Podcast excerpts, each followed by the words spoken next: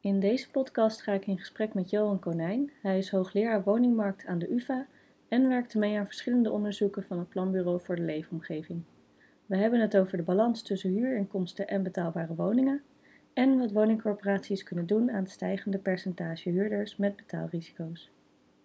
Ook vertelt Johan over zijn lezing die hij zal houden tijdens ons seminar Betaalbaarheid op 12 april 2018.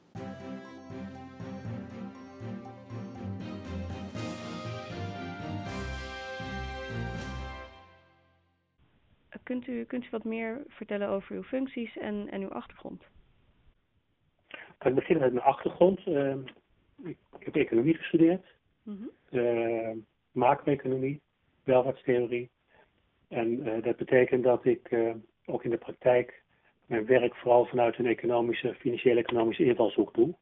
Ja. Ehm, ik werk op dit moment bij, bij Outec Finance. Dat is vier dagen in de week. En daar ben ik met name bezig met uh, strategische advisering aan woningcorporaties. En ook uh, doen wij veel onderzoek en advies voor uh, de overheid, brancheorganisaties, sectorinstituten zoals EDES, ja. WSW, Autoriteit Woningcorporaties. Mm -hmm. we hebben onder andere het handboek gemaakt, het handboek marktwaardering. Okay indicatieve bestedingsruimte, die ook belangrijk is voor corporaties, hebben wij uh, gemaakt bij Ortec Finance. Dus dat is een beetje wat ik, wat ik daar doe. En daarnaast bijzonder uh, hoogleraar woningmarkt aan de Universiteit van Amsterdam. En in die rol uh, ben ik vooral bezig met onderzoek op het terrein van de koopwoningmarkt. Oké. Bijvoorbeeld in de afgelopen jaren hebben we onderzoek gedaan naar het aantal mensen met een hypotheek onder water. Ja. Of naar het middensegment de huursector. Dus dat is uh, wat, wat ik daar doe. Behalve natuurlijk ook colleges geven en uh, studenten begeleiden met scripties en met promoties. Ja, oké.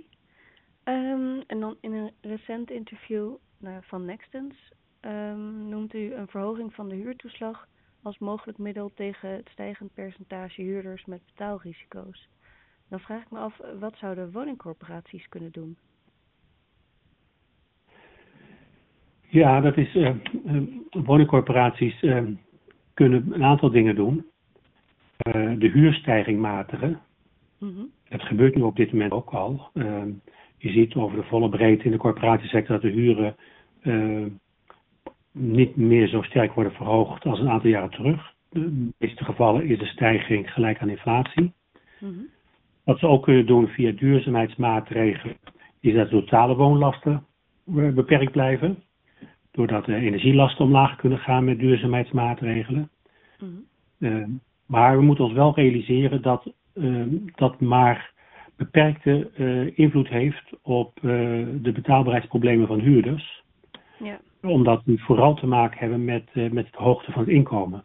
Er is ook onderzoek geweest van het Planbureau voor de Leefomgeving, -hmm. waaruit blijkt dat huurmatiging eigenlijk niet zoveel zoden aan de dijk zet. Okay. Uh, dus het blijft goed om het te doen.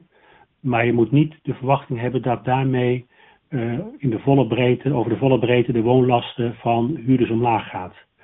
Omdat het betaalbaarheidsprobleem, wat ik net al zei, uh, vooral te maken heeft met, met het inkomen. Er zijn toch erg veel mensen in Nederland die een heel laag inkomen hebben. In veel gevallen ook lager dan het minimuminkomen. Mm. Daar houdt de huurtoeslagregeling geen rekening mee die gaat uit van de fictie dat je een minimuminkomen hebt. Ja. En als dat niet zo is, als je inkomen lager is, dan wordt daar niet voor gecompenseerd. En dan kom je al heel snel in de situatie van de hoge woonlasten. Ja. En uh, het, het, is dus vooral ook, als je het echt wil aanpakken, uh, is het een inkomensprobleem. En moet je vooral kijken welke oorzaken er zijn dat het inkomen zo laag is en welke middelen er zijn om daar wat aan te doen. En dan zit je toch vooral in de hoek van sociale zaken. Ja, ja dus toch meer een, eh, meer een, een taak voor de, voor de overheid.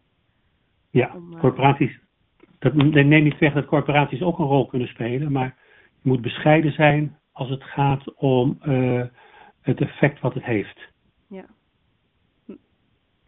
Dan ben ik wel heel erg benieuwd, um, welke opgave op het gebied van betaalbaarheid ziet u in het algemeen voor woningcorporaties, niet specifiek op op het gebied van, van betaalrisico's, maar in het algemeen? Ehm, verder is het ehm, toch vooral van belang voor corporaties dat ze ehm, met, met de huurinkomsten voldoende inkomens realiseren, inkomsten realiseren om ook weer te kunnen investeren. Ja. Dus ik, ik zou doen, op een gegeven moment moeten ook de kosten worden gedekt van, van de woning.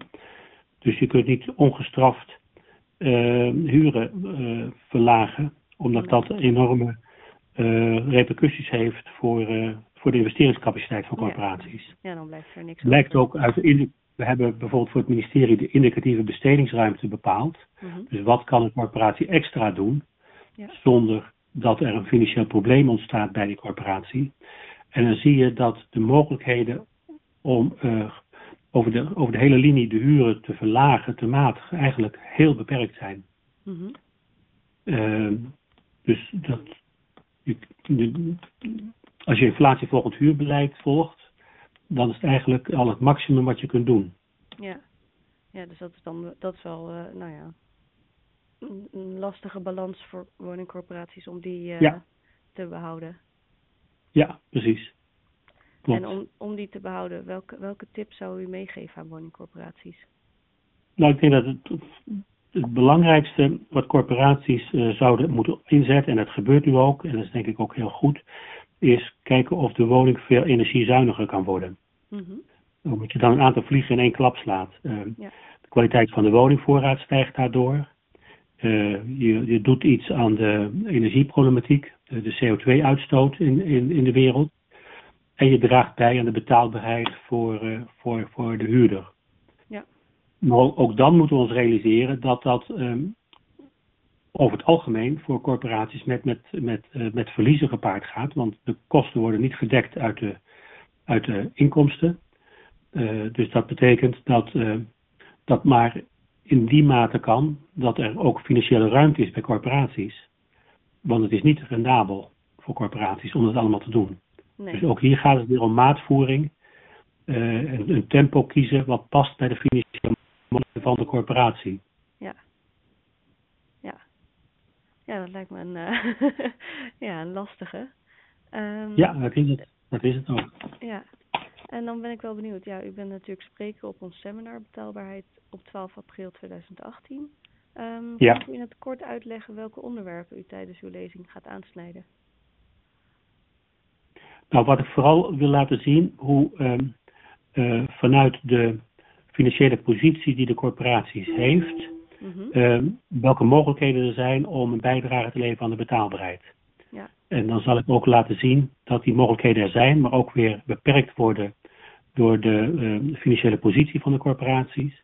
Ja. Ik zal ook verwijzen naar uh, recente onderzoeken die zijn uitgevoerd, met name door het Planbureau voor de Leefomgeving, die verschillende interessante rapporten heeft gepubliceerd, waaruit blijkt dat uh, uh, zelfs huurverlaging niet zo heel veel bijdraagt aan de betaalbaarheidsproblemen van mensen met een laag inkomen. Ja. Wat ik net ook al zei, dus dat je daar ook dat het ook niet verstandig is om, om over generiek de huren te verlagen. Nee, maar om echt, echt maatwerk maatwerk. En dan kom je toch terecht in de, in de inkomenssfeer. Dus dan kom je niet terecht bij, bij, de, bij, bij, bij de woning, maar bij het inkomensbeleid. Mhm. En dat uh, duurzaamheidsmaatregelen een, een goede manier is om, uh, nou, wat ik net zei, niet, niet, niet, niet alleen de betaalbaarheid uh, te verbeteren, maar ook de woonkwaliteit te verbeteren. Ja, nou dat klinkt als een, als een hele interessante aanvulling op het, op het programma ik dan, uh... ga er mijn best voor doen. Bedankt voor het luisteren naar deze podcast. Wil je nieuwe afleveringen ontvangen? Abonneer je dan op deze podcast. En kijk ook eens op onze website corporatiestratege.nl voor meer praktische tips en downloads die jouw werk als corporatiestratege makkelijker maken.